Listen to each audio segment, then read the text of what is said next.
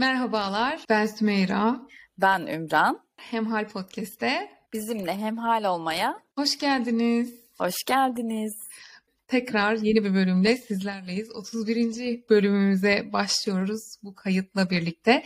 Sizlerle tekrar kavuşmuş olmaktan dolayı ben çok mutluyum. Ümran'la kavuşmuş olmaktan dolayı da çok mutluyum. Çok özledim. Tekrar merhaba. Herkese merhabalar. Ben de aynı şekilde bugün bir kayıt yapalım dedik. İkimiz de fark ettik ki böyle bir şeylerin yoğunluğu ve yorgunluğu içerisinde kameraları açınca birbirimize konuşmaya başlayınca ilk önce iki yorgun kadın gördük. Ama konuştukça açıldık biz de yine e, ilham aldık birbirimizden. Belli fikirler oluştu ve biraz buraları sizle de paylaşmak istedik. Bu konulara nasıl giriş yapalım? Biz aslında konuşurken biraz kadın olmaktan, bu dönemde hem anne olmak hem kadın olmak ve bunu hani hem e, çalışan e, anneler olarak devam ettirmek, aynı zamanda çocuğun sorumluluğunu da alan ama bir yandan da işle alakalı sorumlulukları da olan hatta bu hani iş girişiminde işte Sümeyra sen hani o iş sürecinde çok emek harcadın, birçok iş görüşmen oldu. Benim kendi iş kurma sürecim aynı şekilde kendi girişimim, kendi emeğim ve gerçekten çok fazla dikkat vermem gereken, vakit ayırmam gereken bir süreç oldu. Bir yandan bu çok gurur veriyor kesinlikle. Kendi ayakları üzerinde duruyor olabilmek ve hani hem anne olabiliyor olabilmek hem işte alanında var oluyor olabilmek. Ama tabii hayattaki her iyi şey gibi bir karşılığı oluyor. Belki bir yorgunluğu oluyor. Biraz da buralardan da bahsetmek istedik. Bu yorgunluğun bir parantez açıp hani sebepleri ne acaba diye konuşunca olay dijital medyaya kadar da geldi. Ve biraz sizinle de paylaşmak, sizler nasılsınız, nerelerdesiniz bu konularda buralara konuşmak istedik. Evet şimdi benim alanımda biraz hem medya hem de az buçuk dijital medya olduğu için uzun yıllardır biraz teorik olarak bunlarla ilgilendiğim için bir 10 yıl önce bu kadar da yoktu hayatımızda. Twitter yeni çıkmıştı. Daha böyle işte 120 karakterde falan bir şeyleri ifade edebilmeyi deniyorduk. Şimdi her şey bunlar üzerine kurulu. Her şey kısa sürede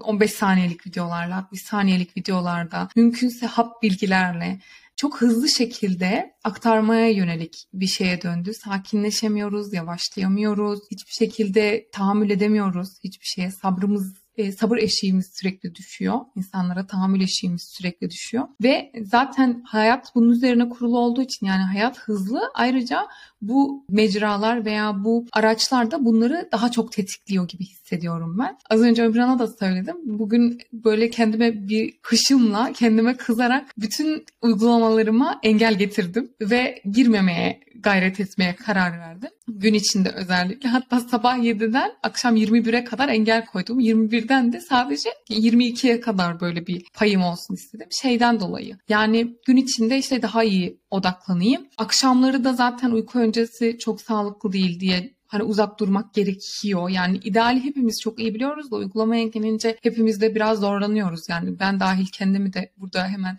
konunun içine katarak konuşuyorum zaten hiç ayırmıyorum. Ama hepimiz de biraz böyle şey kendim için konuşayım burada. Sınır getirmemiz gerekiyor ya. Sınırsızlık güzel bir şey değil. Dünya şu an bunu pompalıyor ama sınırsız özgürlük, sınırsız güzellik, sınırsız mutluluk falan yok öyle bir şey. Ve bu insan fıtratına da uygun değil. Bunu yaşarken de öğreniyoruz bence. Yani ben kendi adıma bunu söyleyebilirim. Bu bize iyi gelen bir şey değil. Bana iyi gelen bir şey değil. Bu kanıya vardım son günlerde. Bir de yıl sonu yaklaşıyor tabii sürekli kendinle ilgili bir muhasebeye giriyorsun. İşte yıl başında neler koymuştum hedef olarak kendime. Ne kadarını yapabildim? Şu an ne, neredeyim? Ne kadar eksik yaptım? Neden bu eksikler oldu? Ve eksiklerin çoğu da işte o ekran süresiyle ilgili biraz da. Kendi öz eleştirimi yapacak olursam benim için öyle. Ona kısıt getirirsem yeni yılda bunu telafi edebilirim his kapıldığım için de böyle bir karar aldım. İnşallah sürdürülebilir olur. Tabii insan zaman zaman böyle kendine kararlar alıyor ama çok da şey olmuyor. Onlara bağlı kalmıyorsun. Çünkü insanın en büyük engelleyicisi de yani iyi şeyler yapma yolunda ya da alışkanlıklarını değiştirme yolunda kendisi oluyor genelde. İşte kitap hedeflerime baktım. Hani sayı olarak ne kadar okumak istemişim, hangi kitapları bitirmek istemişim bu yıl içinde ve biraz geride olduğumu gördüm. Yani çok değil ama gene de ben hedeflerime ulaşmayı seven bir insanım. En azından asgari olarak ulaşmayı seviyorum. Ama bu sene böyle onu çok yapamadığım için elbette çok zor bir seneydi ve yani hayatımın en zor senesiydi hatta belki de ama gene de devam etmek zorundayız ve devam ederken de o hedeflerimi gözümden kaçırmak istemiyorum. Yani ufukta hala o onlar görünüyor benim için ve ulaşmayı istediğim şeyler olduğu için de mesela kitap okuma hedefimde biraz daha iyi olabilirmişim dediğim için böyle bir bugün içinde kendime kızmış oldum. Çok güzel bir şeyden bahsettin. Sınır dedin ya orayı ben bir yakalayıp not ettim hemen. Geçenlerde de yine daha önce okumuştum tekrar okumak istedim.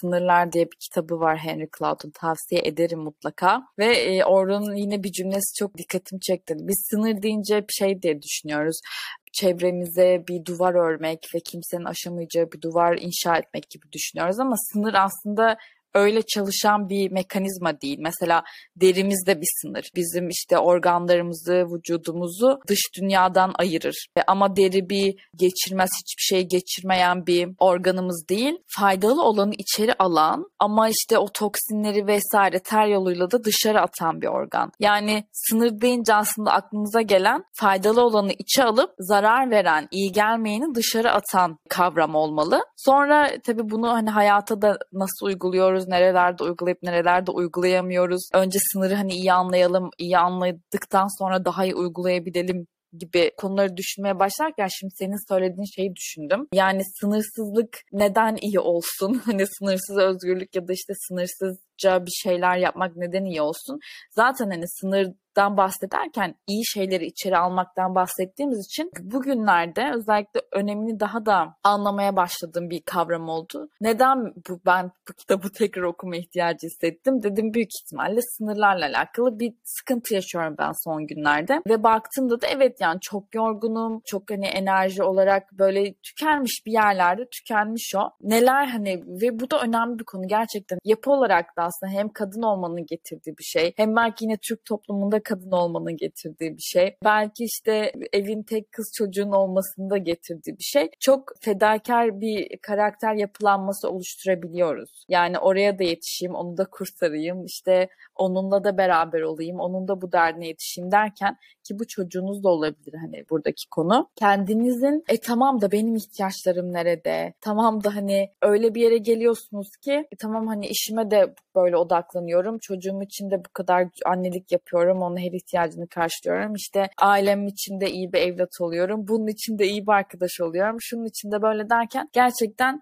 bir bakıyorsunuz sizin kendinize enerjiniz kalmamış. Siz içinize dönememişsiniz. İşte kitaplarınızı okuyamamışsınız. Kendinizle alakalı yapmak istediğiniz şeyleri yapamamışsınız. Kişisel gelişim noktasında ihtiyacınız olan kadar bir yatırım yapamamışsınız. Buna gibi bir noktaya geliyorsunuz. Ben de biraz işte Sümeyra ile konuşurken kaydın başında ya böyle bir yerdeyim galiba hani bu yorgunluğun çünkü bir açıklaması olmalı ve böyle bir durumda mıyım diye düşündüğüm bir yer oldu. O yüzden sen sınır deyince çok dikkatimi çekti. Böyle hitap etti bana. Aldım onu hemen oradan. Bir de senin dediğine bağlayacak olursam bu öfkeli olmamıza da sebep oluyor. Ona yetişmek, buna yetişmek, onu düşünmek, bunu düşünmek. Hepsini bütün o sınırsız yükü üzerine alınca çünkü onun sonu yok yani. Her şeyi alıyorsun ve reddedemeyeceğin kadar çok sorumluluğun var. Yani bu bizim genelde tercihen aldığımız, üzerimize vazife gördüğümüz şeyler değil, yapılması gerekenler ve kim yapacak ben yapacağım deyip hani hiçbir şekilde üzerimizden hani ben üstüme alınmıyorum diyemeyeceğimiz şeyler. Bunları yaparken de yapıyoruz. Hem yapıyoruz hem de işte o dediğin gibi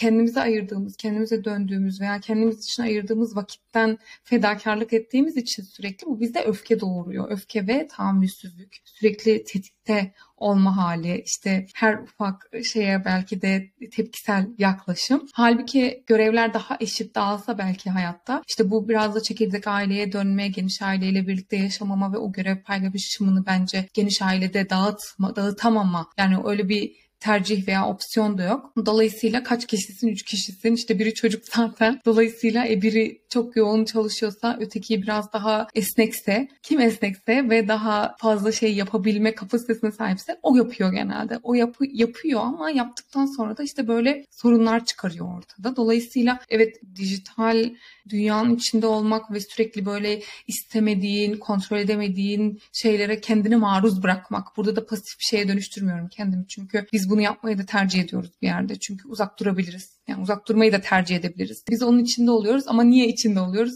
Birçok şeyi halledemiyoruz. Halledememek bizi ertelemeye itiyor. Ertelerken de düşünmemek için yani o beyindeki o sürekli o sorumluluk çağrışımlarını kapatabilmek için o sesleri oraya dönüyoruz. Yani aslında bizimle hiç ilgisi olmayan içerikler. Tamamen işte hani başkasının şeyiyle ilgileneyim, kendiminkini bastırayım duygusu aslında bir yerde de. Burada sen daha iyi belki açıklarsın bu şeyleri. Sınırlara şey yapacaktım. Orada şöyle bir örnek geldi aklıma. Katılırsın muhtemelen. Çocuklar da mesela sınırsız oyuncak koy bir odaya. Hiçbirini görmemeye başlıyorlar. Ama bir oyuncak ver eline belli bir obje ver. Onunla daha çok ilgileniyorlar. Yani sınır ne kadar daralırsa dikkat de o, o kadar çoğalıyor sanki biraz da. Katılıyorum sana. Çünkü bir odaklanma da aslında bir enerji yani odaklanma da belli bir yere kadar enerji harcayabiliyoruz buna ve her şeye odaklanmamız mümkün değil. Bir çocuk da aynı şekilde o odadaki bütün oyuncaklara odaklanabilmesi mümkün değil. O yüzden sınırlı bir yerde olunca ya da belli başlı tek tük oyuncağı olunca onlara odaklanması ve onlarla anlamlı bir şey oluşturması daha olası. Bu yüzden de zaten hani önceki bölümlerde bahsetmişizdir. Yani eğitim tarafından konuştuğumuzda az oyuncak,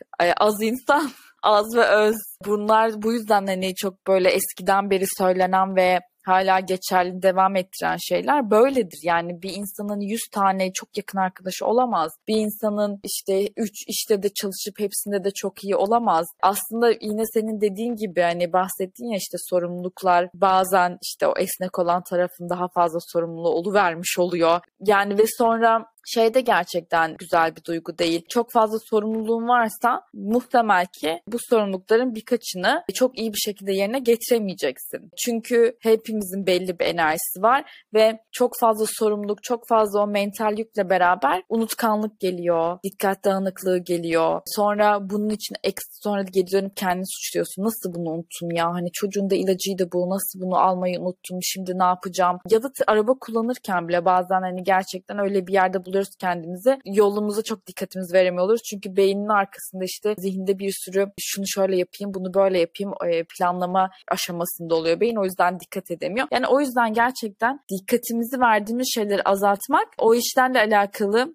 daha olumlu geri bildirim alabilmek adına da önemli. Ve hani dijital medyadan bahsedince yani şey dediğin çok doğru. Bazen ya biraz kafam dağılsın diye şey Instagram'a giriyoruz ama ya bir bakıyorsun bir haber çıkıyor karşına. İşte bir cinayet cinayet haberi. Bu inanılmaz üzülüyorsun. Sonra diğer bir posta şey görüyorum işte kendini sev ya da psikolojiyle alakalı hani iyi olmayla alakalı şeyler. Bir an ah falan oluyorum hani doğru işte hayat çok güzel devam ediyor. Sonra bir post görüyorum ekonomi çok kötüyle alakalı bir post. Ya o duygusal iniş çıkışı bir düşünseniz hani o feed dediğin şey Instagram'daki feed dediğin şey bir gerilim filmi aslında yani hani inişi var çıkışı var tam o hani iyi hissedeceğim diyorsun sonra kötü bir şeyle karşılaşıyorsun ya da yine yani hani bir işte post görüyorsun arkadaşın tatile gitmiş. Bu şey anlamda değil hani tatile gidenleri çok kıskanıyoruz paylaşmasınlar anlamında değil ama diyorsun ki ya hani bak ne güzel ya işte tatile gitme imkanı var. Ah diyorsun işte keşke ben de gidebilsem oluyorsun. Onun bir olumsuz duygusu geliyor. Hani hayatta ben kaybediyor muyum? Başkaları ilerliyor ben aynı yerimde miyim? İşte başkaları nefes alıyor ben burada mıyım? Birçok duygu doğurduğu için senin içinde sen o duygusal iniş çıkışlarını o duygusal enerjini orada harcıyorsun. Sonra işte bir çocuk geliyor yaklaşıyor sana böyle senin ilgini istiyor anne falan diye. Orada tabii ister istemez bir şey oluyorsun. Ah hayır buna enerjim kalmadı galiba oluyorsun. Hani şey de çok önemli. Kendimizi hadi vakit ayıralım derken daha fazla bizim enerjimizi, dikkatimizi çünkü Instagram aslında öyle bir yer. Sosyal medya öyle bir yer. Ben sadece Instagram diyorum en çok onu kullanıyorum o yüzden. Ama diğerleri de tabii buna dahil. Zaten hani bununla alakalı belgeseller de var. Senin dikkatini almak, senin dikkatini üzerinde tutmak üzerine yapılandırılmış, oluşturulmuş şeyler. O yüzden oralarda bile yani hani kendi kendime kendime biraz vakit ayırayım, dur biraz telefon bakayım dediğin yerde bile bir şey yapıyorsun yani. Hani kendinden uzaklaşıp senin de dediğin gibi başkalarının problemleriyle ya da kendinle o alakalı olmayan şeylerle uğraşıyor halde buluyorsun kendini. Ve zor bir dönem yani bu tüm bunları hani yönlendirmek, tüm bunları organize edebilmek gerçekten kolay değil. Bir yerde de şey seninle konuşuyor olmak iyi gelecek bana diye düşünüyorum. Tamam hani işte biraz ilham alayım bunu şöyle yapabilirim böyle yapabilirim noktasında iyi geleceğiz birbirimize diye düşünüyorum. Bana şimdiden iyi geldi çünkü ben hani bugün tamamen böyle bir ıı, içgüdüsel olarak böyle bir harekette bulundum hani bir kısıtlama falan yaptım ama seninle konuşurken daha sistematik oturdu kafamda ve hani bunu aslında geniş anlamda daha ne kadar ihtiyaç duyduğumuzun da farkına varmış oldum. Çünkü insan hani başkalarıyla belli bir konuyla ilgili konuşunca ve düşünceleri paylaşınca farklı perspektiflerden de bakıyor ve şeyi düşündüm mesela şu an. Bu sadece benim kitap okuyamamamla ilgili de değil. Yani sen yayından önce şey demiştin hani doğayla ilişkimiz de kalmadı. Hani kış ayları ve dışarı çıkamıyoruz. Ben mesela sabah 7.30-8'de başlıyorum genelde mesaiye ve evden çalışıyorum. İnsanlar diyor ki, düşünüyor ki hani oh ne güzel evden çalışıyorsun ya tamam evden çalışmak elbette güzel ama sonuçta ben 8 saat gene de yerimden kalkmayan bir insanım büyük ölçüde ve 4.30'da bir bitiriyorum genelde 5 öncesi. 5, 5'i bulmuyor. Oğlumu almaya gidiyorum. Gitmeden şu an 4.30'da güneş batmış oluyor. Ben güneş doğmadan önce işe başlıyorum. Güneş battığında anca bırakıyorum. Yani batmış oluyor çoktan. Ve bu muhtemelen 2-3 ay daha böyle devam edecek. Toplamda yılın 4-5 ayını böyle geçirmek çok kolay bir şey değil. Biz mesela böyle olmadan önce bisiklet sürüyorduk birlikte oğlumla onu okuldan aldıktan sonra işte 5-6'ya kadar ve o bile beni çok diri tutuyordu. Hani içten o kendime ayırdığım vakte sayıyordum onu. Bir puandı yani artı bir şeydi. Şu an o eksik. E, genel olarak dışarı çıkıp herhangi bir hava alma gibi söz konusu değil. Çünkü bir kere çok soğuk burası. Hani eksi 12 idi hafta sonu. Çıkmak mümkün değil. Hani çıkıyorsun ama çok durmamaya çalışıyorsun. E şimdi doğadan bir enerji alamıyorsun. Kendini o depolarını dolduramıyorsun. Başka hiçbir şekilde yani yaptığın kendine dönük bir şey yok. Sürekli kendinden verir pozisyondasın. Ve bir de ekstra olarak dediğim gibi hani böyle çok sosyal medyaya kendimizi veriyoruz. Kendimizi kaybediyoruz oralarda aslında. Bu da bizim sürekli şeylerden hani böyle eksiye düşmemize sebep oluyor. Eksi eksi işte bu yorgunluk, bitkinlik hali, herhangi bir şeye bir motivasyon bulamama hali bundan kaynaklanıyor. E, hani bunun için sürekli farklı şeyleri yapıp o enerjiyi geri getirmek için de kaynaklar bulman lazım. İşte yapıyorsun mutlaka ama yani ben çok bu ara biraz şeyde zorlanıyorum ya. Sosyal anlamda çok istediğim insanlarla birlikte değilim. Aradığım insanlar çok uzaklarda. Yani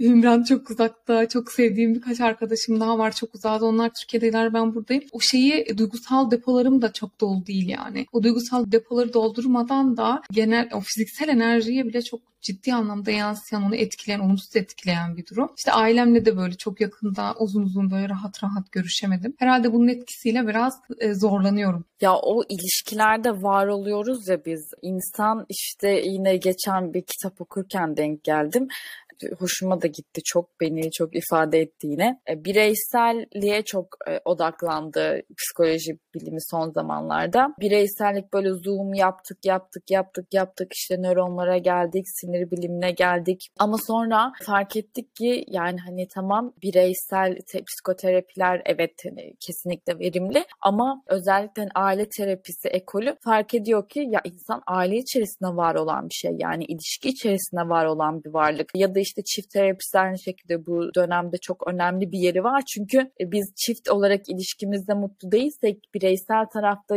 destek alsak bile yani o ilişkinin devam ediyor olması bizi geri çekiyor oluyor. O yüzden aile sisteminin düzelmesiyle beraber ancak sağlıklı çocukların yetişmesi, işte akıl sağlığı yerine çocukların yetişmesiyle beraber toplumsal huzur sağlanabilir noktasına gelindiği için aile terapisi çok önemsenen bir noktaya geldi ve çok da mantıklı. Bunun da en önemli açıklaması biz ilişkilerde besleniyoruz. Biz ilişkilerde karşımızdaki bizim aynamız oluyor. O, bizi yansıtıyor, biz onu yansıtıyoruz. İşte e, belli beraber e, kırılmalar yaşıyoruz, tartışmalar anlar yaşıyoruz. Bunları onarıyoruz. Bunları onarırken içimizde e, çocukluktan getirdiğimiz şeyleri onarıyor oluyoruz aslında. Ya da o ilişkiden, geçmişten getirdiğimiz travmalarla alakalı tekrar bir travma yaşadıkça daha da kötüleşiyoruz. Neredeyse zehirlenmiş gibi bir duruma geliyor sonra çiftler veya artık hani onların o ilişkideki zehirlenmeleri çocukları zehirliyor. Bu yüzden ilişkilerin öneminin çok daha yani özellikle pandemiyle de beraber çak diye aldılar ilişkileri bizden yani ya da bizden aldılar derken bunu komple teorisi anlamında söylemiyorum. Ama hani öyle bir noktaya geldik ki gerçekten kimseyle görüşemedik. Ve ne oldu yani depresyon işte oranları arttı, intihar oranları arttı. insanlar hani hala evden çalışmanın çok güzel avantajları var ama yani bak bakıyorum ofis ortamı dediğimiz o çünkü ofiste bir yerde ailen oluyordu. Hani o sana o desteği beraber çalışma duygusu, beraberlik duygusu noktasında insanı tatmin ediyordu. O ortam olmamaya başladı. Ben çevremde gördüm evde çalışan birçok insanların artık iş tatmininin çok azaldığını görüyorum. Yani bu da direkt bence çok önemli bir kanıtı insanların beraber olmakla alakalı ihtiyaçlarının çok büyük bir ihtiyaç olduğunun göstergesi gibi geliyor bana. Ve evet senin de dediğin gibi yani hani sen yurt dışındasın ya ben Türkiye'deyim ben de görüşemiyorum ne oluyor bilmiyorum ama arkadaşlarla bir görüşemiyoruz ama belki annelikle beraber gelen bir şey belki işte yoğunlukla beraber gelen bir şey ama hani her işte 3 ayda bir 2 ayda bir bir araya gelince de ya niye bunu biz daha fazla yapmıyoruz ama yok hani gerçekten programlar o kadar dolu ki bir şekilde buluşamıyoruz ve hani gittikçe dediğin gibi böyle bir e, kısır döngü haline geliyor. Biz oradan enerji alamadıkça bizim enerjimiz tükeniyor. Enerji veremiyoruz. Çevremizdekilerin bataryası bitiyor gibi bir yere geliyor. E, dediğin o noktada bana da çok hani kendimden birçok şey katabildim şu an söylediklerine bu ofis ortamına döneceğim. Benim mesela insanlar bunu anlattığımda ya da söylediğimde genelde böyle hani şey gibi algılıyor yani tamam hani bu da dert mi gibi ama benim işimi değiştirmemin sebeplerinden biri de bu. Yani ofis ortamı da yani yüzde yüz home office çalıştığım için evden çalıştığım için ve ofisime çok uzak olduğum gitme ihtimalimin olmaması sebebiyle yani aidiyet hissetmemeye başladım. Bu sefer ait hissetmediğin yerde ne kadar verimli olabilirsin ki ne kadar iş ortaya çıkarabilirsin. İşte asgarisini yapıyorsun, yeterli miktarda yapıyorsun ama üzerine bir şey koyma durumu olmuyor artık. Kimse yok, ekibin yok, birlikte aynı şeyi konuşacağın insanlar yok. Ya şu işi şöyle yapalım mı, böyle yapalım mı ya da şu konuda şu aklıma geldi diyebileceğin, bir fikir alışverişi yapabileceğin bir ortamın yok. O kadar büyük bir şey ki bu. Yani hiç hiç küçümsemeyin. E, yani bunu küçümseyen varsa. Bir de ben şöyle bir fark da gördüm. Yani iş değiştirdikten sonra tam da aradığım şekilde bir ortam bulunca evet dedim bak haklıymışım. Gerçekten bu iyi gelen bir şeymiş. E, başta söylediğin hani bireyselleşmeye ve psikoloji çok hani ön plana çıktı. Ya ben geçen de bir paylaşım yaptım seni tabii ki tenzih ederek. Artık galiba bu psikologlardan ve psikolojik çıkarımlardan çok sıkıldım diye. Gerçekten o kadar hayatımızın ortasında ve her şey o kadar psikolojiyle açıklanmaya çalışıyor ki ben artık buna şey yapamıyorum. Ya evet sosyal bir varlığız. Bu zaten bizim fıtratımızda var. Bunun için psikolojiye de çok ihtiyacımız yok. Yani bu çok basit bir çıkarım onu demek istiyorum. Tabii ki psikoloji çok önemli bir alan. Bunu da asla yatsımıyorum yani. Hiçbir şekilde tabii ki burada linç yemek istemem. Ama ya artık böyle her şeyi de psikolojiyle ve özellikle travmalarla açıklamayı bıraksak mı yani? Biraz böyle hani bir salsak mı diye de düşündüm. Çünkü örnek paylaşımı söyleyeceğim şimdi. Neyin üzerine bunu söylediğimi. Sen çok şımardın, çok yüz verdik sana derken aslında hiç şımaramayan, hiç yüz bulamayan çocukluğun için öfkeli olabilir misin? Ya abi hayır ya. Onun için değil. Ben sadece bugün iyi değilim, modumda değilim. Yani bunun bu kadar derin, bu kadar çocukluğuma giden de illa bir anlamı yok. Ya bu böyle artık bizim üzerimizde de böyle kara bir bulut gibi gezmeye başladı gibi hissettim o gün böyle. Tamam, tamam çok hani psikoloji çok önemli ve şeyiz ama ya bir rahatlayalım ya. Hayatımızdaki birçok değişimin az önce söylediğim işte geniş aile kavramından uzaklaşıp çekirdek aile hatta bireysel yaşama dönmenin, çok hızlı hayatın akıp gidiyor olmasının, sevdiklerinden uzak olmanın hepsinin psikolojik bir etkisi var üzerimizde. Ama her şeyi psikolojiyle açıklamak yerine ya da sürekli böyle bir psikolojik bilgiyle bombardımana uğruyoruz ya her yerden. Yani sanki böyle gene seni ederek lütfen şey yapma yani gerçekten saygı duyuyorum bu işi hakkıyla yapanlara ama her şeyi travmayla açıklamak ve her yerden travmayı evet bu travma şu travma çocuğunuzda şu travma işte bir travma endüstrisi diye bir kavram bizim daha önce konuğumuz olan Cihan Çelik bu ilk ben onda okudum yani travma endüstrisi kavramını. Gerçekten o kadar yerinde bir şey ki bu endüstriye yani piyasaya dönüştürüldü. İnsanlar bununla hareketsiz hale getirildi. Anne babalar çocuklarına herhangi bir olumsuz cümle kuramaz hale geldi. Çocuklarına sınır koyamaz hale geldi ki az önce de söyledik sınırlar çok sağlıklı şeyler aslında ve çocukların ihtiyaç duydukları şeyler en basitinden oyuncak örneğini verdim. Bu bile çocukların ne kadar sınırlara ihtiyaç duyduğunu sadece fiziksel objelerle ilgili değil hayatlarında genel anlamda sınırlara ihtiyaç duyduklarını, kurallara ihtiyaç duyduklarını, rutinlere ihtiyaç duyduklarını ne kadar önemli olduğunu biz Hemhal Podcast'ta en baştan beri söylüyoruz. Bunları tekrar etmeme gerek yok. Bunları konuştuk ama yani insanlar bunları yapamaz hale geldi. Sınır koyamaz hale geldi. Çünkü eyvah çocuğuma acaba uzun vadeli 50 yaşında ortaya çıkacak herhangi bir davranış bozukluğu verir miyim diye. O yüzden böyle biraz sıkıldım galiba. Yani sürekli bomba özellikle işte diyorum ya sosyal medyaya zaten çok maruz kalıyoruz. Maruz kaldığımız şeylerden biri de sürekli psikolojik analizler, sürekli işte acaba ben bunu yapıyor muyum? Ya evet ben de böyle bir şey yapıyorum. Buna acilen kurtulmam lazım. Sonra kurtulamıyorsun bir de onun vicdan yükünü çekiyorsun falan. Biraz böyle azaltsak mı? Yani bu bu endüstri haline gelmişse burada da yani burada psikolojinin değerini de küçültüyorlar bence böyle yaparak. Yani o bilimin, o akademik ağırlığı da bence düşüyor. Yani herkesin ağzında bir psikoloji dizilere kadar düştü bu zaten. İnsanlar bütün etik değerleri ve kuralları yok sayıp danışanların hikayelerini dizilere senaryo olarak veriyor falan. Yani bunlar bilmiyorum bu artık her şeyin çok normalleşmesi ve sıradanlaşmasına sebep oluyor gibi. Böyle biraz bunlar rahatsız olduğum geçtiğimiz günlerde.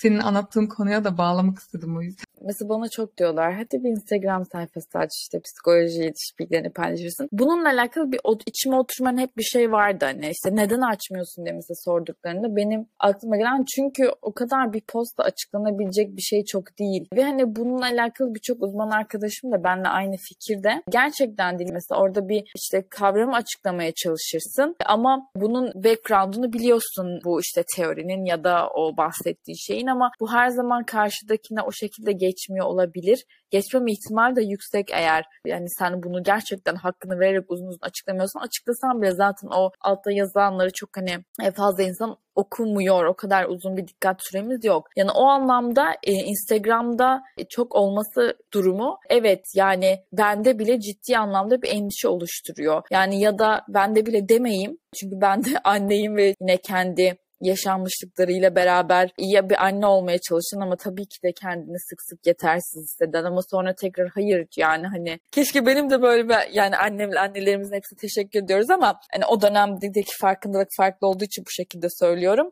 Hani kimse bize bu kadar saygı duymadı ya. Sonra da tekrar işte o senin dediğin posta karşılaşmak işte sen çocuğuna kötü davranıyorsun ama acaba bu yüzden mi kötü davranıyorsun falan diye. İnanılmaz bir böyle suçluluk duygusu oluşturan anne de o suçluluk duygusuyla beraber senin de dediğin gibi paralize eden bir noktaya gelebiliyor. Ben şöyle hissediyorum zamanla belki bu şeyle de çok alakalı. Eskiden hayat kavgası çok daha farklıydı.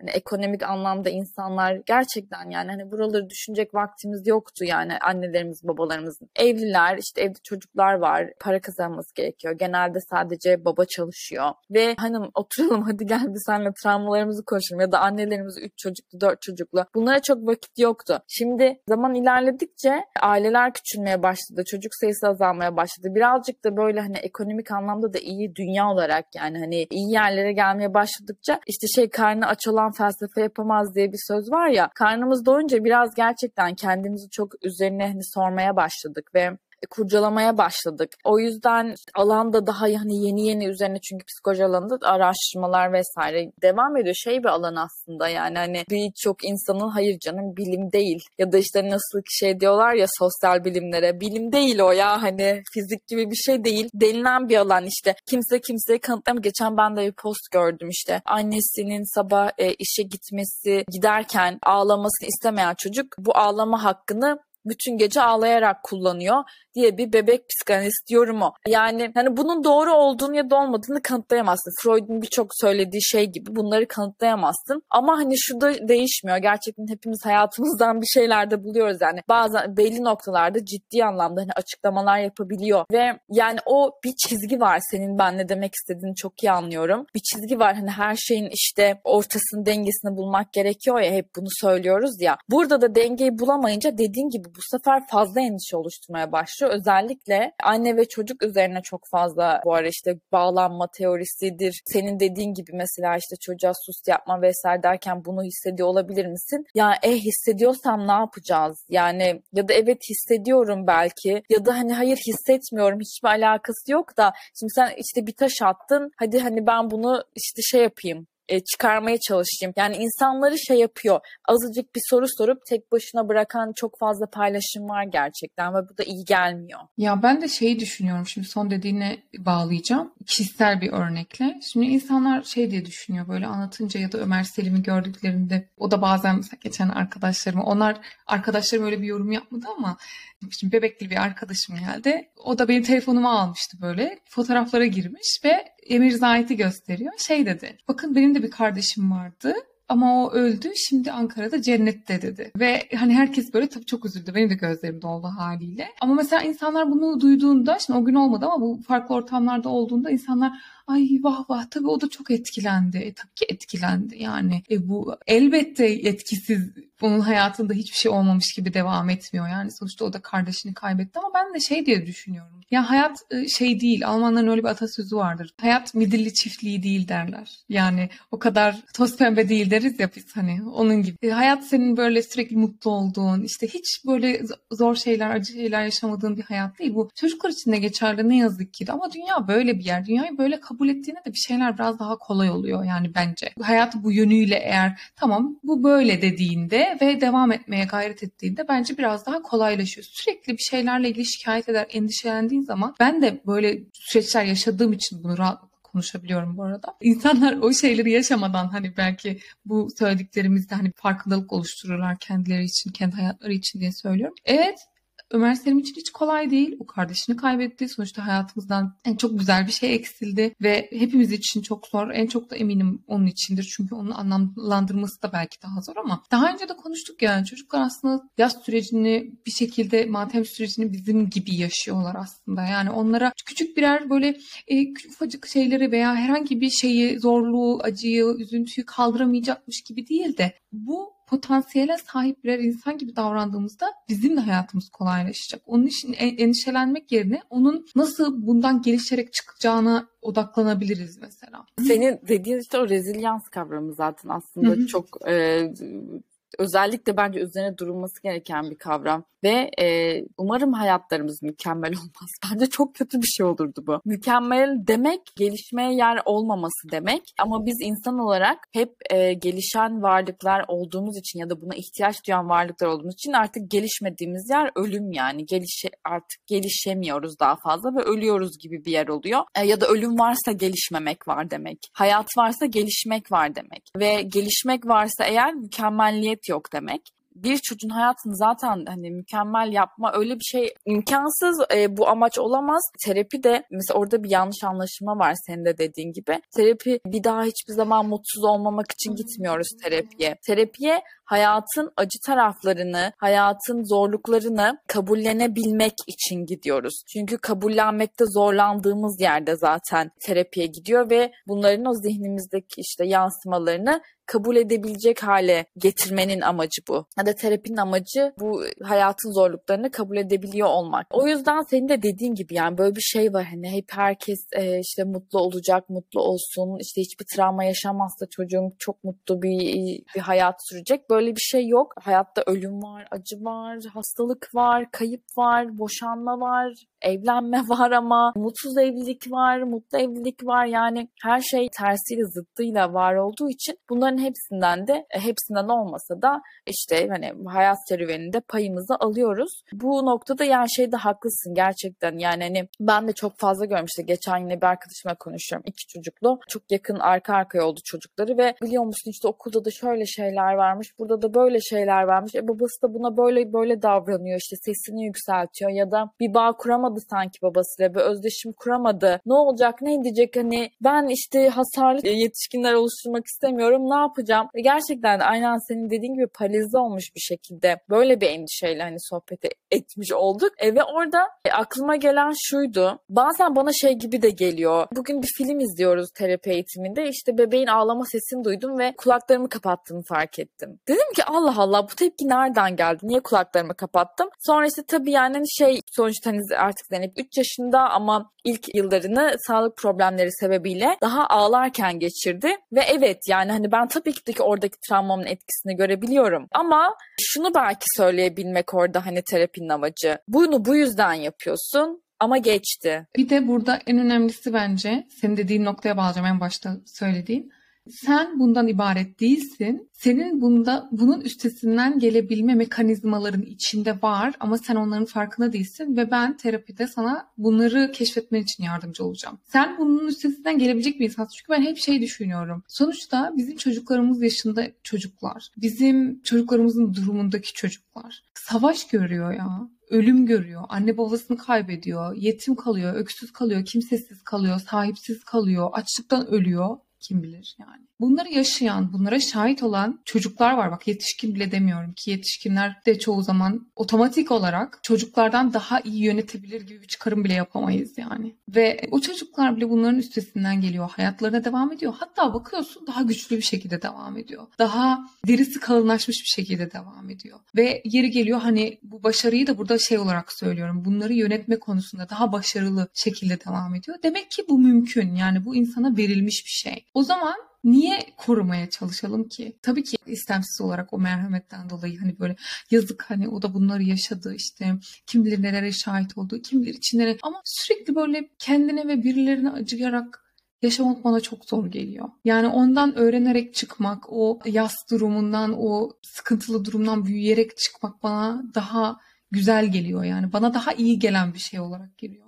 O yüzden galiba hep bir tercihim ikinciden yana oluyor. Burada işlevsellik çok önemli bir şey ya mesela hani ben de genel olarak işte hayatta yaptığım şeylerin işlevsel mi yapıcı mı? Bu ikisini verdiğim cevap çok önemli o şeyle alakalı ya da ağzımdan çıkan sözle bile alakalı ilerlemem adına bu söylediğimin kime ne faydası olacak olacak mı zararı dokunacaksa zaten hayır lütfen sus faydası olacaksa hatta söyle çünkü diğer türlü de işte Hani arkadaşlarına yaparsın boş sohbet belki ama hassas bir konuysa, hassas bir olaysa ağzından çıkan iyi geliyor olması çok önemli. Birine bir faydası dokunuyor olması çok önemli. Yani o senin dediğin yerde. Bu ayrıca sadece şey değil yani bu kendimizle konuşurken de ben aynı dusturu uygulama tarafındayım. Çünkü yine kendimize işte oturup da bah bunu niye yaptın, bunu niye söyledin? Bak şimdi işte çocuk şöyle olacak, böyle olacak. Geçen gün biri çocuğuma şunu söyledi. Sen niye şunu yapmadın, bunu yapmadın? Yani hani bunu bana kendime söylemenin bir anlamı anlamı yoksa, bir faydası yoksa, beni kendimi iyi hissettirmeyecekse söylemiyorum. Aynı şekilde orada da yani acımanın, kendine acımanın zaten çok bir faydası yok. Bunlar benim başıma niye geldi? Bunlar benim çocuğum başına niye geldi? O yüzden herkes hayatında bu noktaya geliyor. Bu senin iyi bir işin olabilir. Bir arkadaşlarım vardır, sosyal çevrem vardır. Ya atıyorum hani istediğin, hayal ettiğin yaşta evlenmemişsindir. Instagram'da bir arkadaşın evlilik postunu görürsün. Hayat niye bana karşı haksızlık yapıyor dediğin bir noktada hissedebilirsin kendini. Hani bu yüzden bunu büyük travmalardan yaşamış insanlar alakalı bile söylemiyorum. Normal hani gündelik hayatlar olan insanlar olarak bile kendimizi burada bulabiliyoruz. Ama işte orada o kendimize acıma halinin ne kadar uzun sürdüğü bu da normal. Hani arada bu duygu gelir sana ama senin de dediğin gibi bununla baş etmek ya tamam hadi kalk hadi şimdi bunları düşünme. Kalk bir çay koy kendine. Öyle işte çocuk için de işte oluyor ya bazen. Bazen en iyi gelen şey şey oluyor. Anneciğim hadi gel hadi gel biz başka bir şeyle uğraşalım. Yani hani bunu ağlamak için hani şey çünkü oturup anlatsan böyle oldu oldu. Ben de sana bunu yaptım. Sen de bunu böyle söyledin falanlar. Endişeyi çok çoğaltıyor. Yani uzun uzun açıklama yapıyorsun ya çocuğa ne olduğuyla alakalı. Onun yerine hadi gel evladım. Yani orada çünkü önemli olan bağ kurmak zaten hani. Kendinle bağ kurmak işte hadi gel bir çay koyalım seninle. Yani buralarda hani bu kendinle bağ kurup Oradan çıkmak çok önemli senin de dediğin gibi. Yorumlar konusunda da zaten biz anlat anlata bitiremedik. Allah aşkına lütfen hassas konularda bir şey söylemenize gerek yok. Bu yine sen mi paylaştın bir post ya? Senin tabii hikayende gördüm. Yine işte yürüme engelli olan bir çocuğuyla parka çıkmış ve çok duydukları sebebiyle bir çocuğun işte orada artık dışarı çıkmayla alakalı hevesini bir cümlenle öldürüyorsun sen. O yüzden cidden çok dikkat etmek gerekiyor böyle. Biz bizim bu 31 bölümden 31. bölüm olacak? Sadece bunu alıp gitse herkes çok kıymetli olur. Çünkü inanılmaz önemli bir konu. Bilmiyorum. Herkes bunları biliyor gibi geliyor biraz da bazen. Ama gene de bildiğini okuyor gibi de hissediyorum. Yani çok kişi ya da ben benim etrafımı, çevrem öyle bilmiyorum. Nerede neyin söylenmemesi gerektiğini de biliyor aslında. Ama yine de söylüyor. Yani bakıyorsun kültürlü işte eğitimli insanlar en yanlış yerde en yanlış cümleleri kullanabiliyor yani. Ve en yakınları ona oluyor. Hiç duymak istemediğin şeyi söylüyor sana. Hiç sana söylenmemesi gereken bir şeyi. Düzelir mi bilmiyorum ama senin dediğin gibi 31 bölümü dinleyip en azından bunu çıkarıp kendinde bunu değiştirebilirse insanlar bu bile bir kazanımdır. Ve tabii ki çok farklı konulara değindik. Sosyal medyanın bizim üzerimizde günlük davranışlarımıza etkileri diyeyim. E, işte öfkelenmemize, daha hızlı olmak istememize ve dolayısıyla daha az tahammülümüzün olmasına değindik ama bununla beraber aslında nasıl tükendiğimizi ve tükendikçe tekrar o kısır döngüye yani sosyal medyaya dönüşümüz ve kafamızdaki o sesleri susturma çabamızdan bahsettik. Çok güzel bir yeni sezon girişi oldu bence. İnşallah yeni bölümlerimizle bu sezon devam ediyoruz yine. Sizlerle beraber olacağız. Yeni kayıtlar yapacağız, yeni paylaşımlar yapacağız. Bu bölümün de sonuna geldik. Bir sonraki bölümde tekrar görüşmek üzere. Bizi Apple Podcast, Google Podcast, Spotify ve YouTube'dan dinlemeyi, puanlamayı ve yorumlamayı, Instagram hesabımızdan da bize mesajlar atmayı unutmayın. Bizi takipte kalın. Tekrar dinlediğiniz için teşekkür ederiz. Bir sonraki bölümde görüşmek üzere. Hoşçakalın. Hoşçakalın.